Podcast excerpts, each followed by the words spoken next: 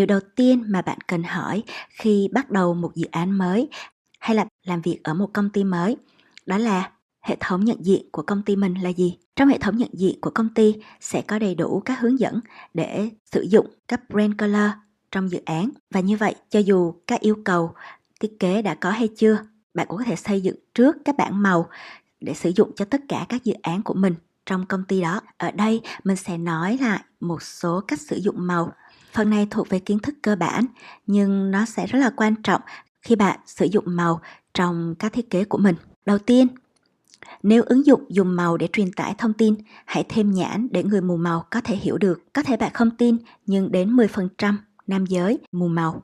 Đó là một con số đáng kể để chúng ta có thể thiết kế phù hợp hơn cho số đông người sử dụng.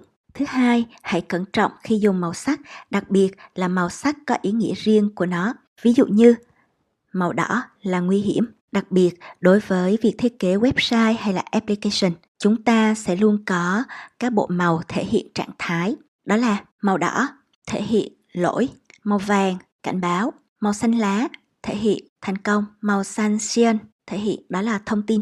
Ngoài ra màu xanh dương là một màu được sử dụng phổ biến cho các đường dẫn. Vì vậy hãy suy nghĩ thật kỹ nếu bạn phải sử dụng một trong các cái màu này cho màu sắc chính của thiết kế thứ ba cân nhắc một bảng màu giới hạn để phối với logo bởi vì nếu như bạn có quá nhiều màu sắc thì cuối cùng người dùng sẽ không biết gọi tên bạn với một màu sắc nào. Và bạn hãy nhớ là bộ não của con người có giới hạn về việc nhớ số lượng.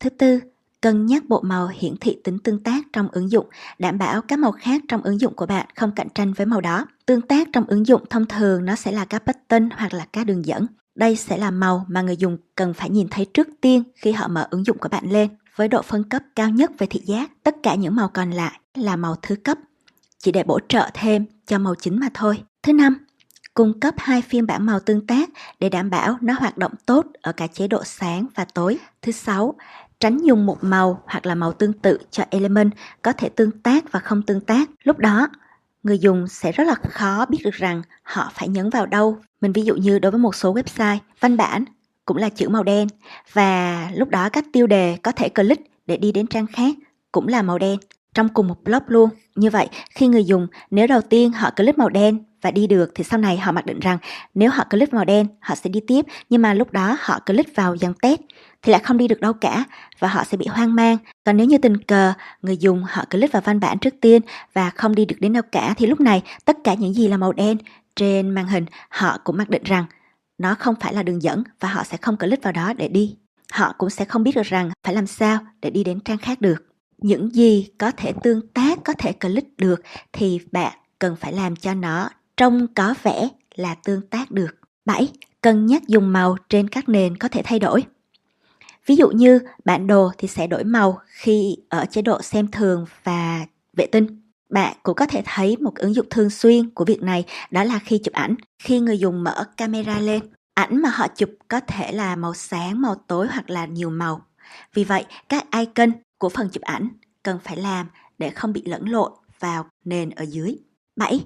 Kiểm tra bảng màu ứng dụng của bạn trong điều kiện ánh sáng khác nhau, đặc biệt là ngoài trời. Điều này liên quan khá là mật thiết đối với độ tương phản và chúng ta cần phải chọn màu sắc để đảm bảo rằng khi họ cầm điện thoại ra ngoài đường vẫn có thể nhìn thấy được các cái button test và biết được rằng họ cần phải click vào đâu để thực hiện được các tác vụ mà họ muốn. Thứ 9. Xem xét cách sử dụng màu sắc của bạn có thể được nhìn nhận ở các quốc gia và nền văn hóa khác nhau. Đảm bảo là màu sắc trong ứng dụng của bạn gửi một thông điệp phù hợp. Một ví dụ phổ biến đó là màu đỏ. Đối với một số nơi, đây là màu nguy hiểm. Nhưng một số nơi lại coi đó là màu may mắn. Như vậy, tùy vào việc sản phẩm thiết kế của bạn sẽ được sử dụng ở đâu thì bạn cũng có thể sử dụng cái màu phù hợp. Và cuối cùng, nhưng quan trọng nhất mà mình cũng có nhắc đến ở trên, đó là chú ý về độ tương phản. Bởi vì người dùng là người mù màu có thể không phân biệt được một số kết hợp màu sắc và độ tương phản không đủ thì sẽ khiến cho các biểu tượng và các văn bản hòa trộn với nền và làm cho nội dung trở nên khó đọc.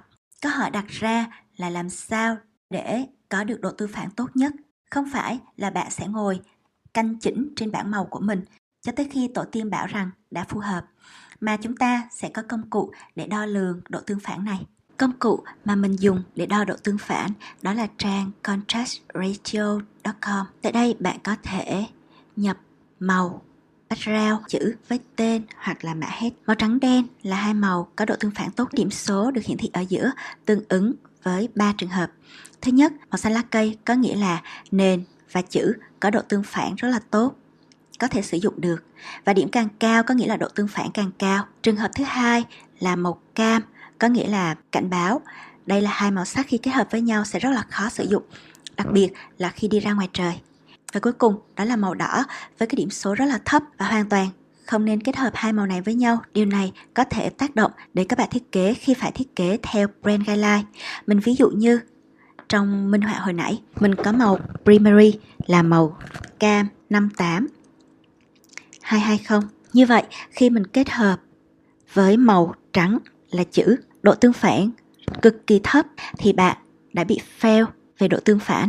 Vì vậy ở đây có hai cách giải quyết. Thứ nhất là bạn hãy sử dụng một màu chữ khác để tăng điểm cho độ tương phản của mình lên. Nhưng đây cũng vẫn là một số điểm tương đối thấp so với 21 điểm. Và khi mà bạn cầm điện thoại ra ngoài trời, bạn thấy rằng vẫn rất là khó để đọc. Không phải là không đọc được, mà là rất là khó để đọc. Thì lúc đó, bạn có thể ngồi lại để nói chuyện với người thiết kế brand. Có một điều chỉnh riêng về brand color cho các thiết kế trên điện thoại. Không hẳn đó là ngoại lệ về việc phải thay đổi màu sắc của brand, mà ngoại lệ đó là cách để kết hợp hai màu lại với nhau. Mình ví dụ như brand bắt buộc chữ màu trắng hoặc là chữ màu xanh trên nền cam, thì bây giờ bạn có thể yêu cầu là đặt màu khác lên màu cam, hoặc là màu cam sẽ là một điểm trang trí, không đặt test lên trên. Bởi vì đơn giản, brand guideline để người dùng có thể nhận ra được thương hiệu của bạn và sử dụng nó. Còn nếu như người dùng không thể đọc được thông điệp của bạn hoặc là rất khó khăn để đọc thông điệp của bạn, thì có nghĩa là brand của bạn đã thất bại rồi.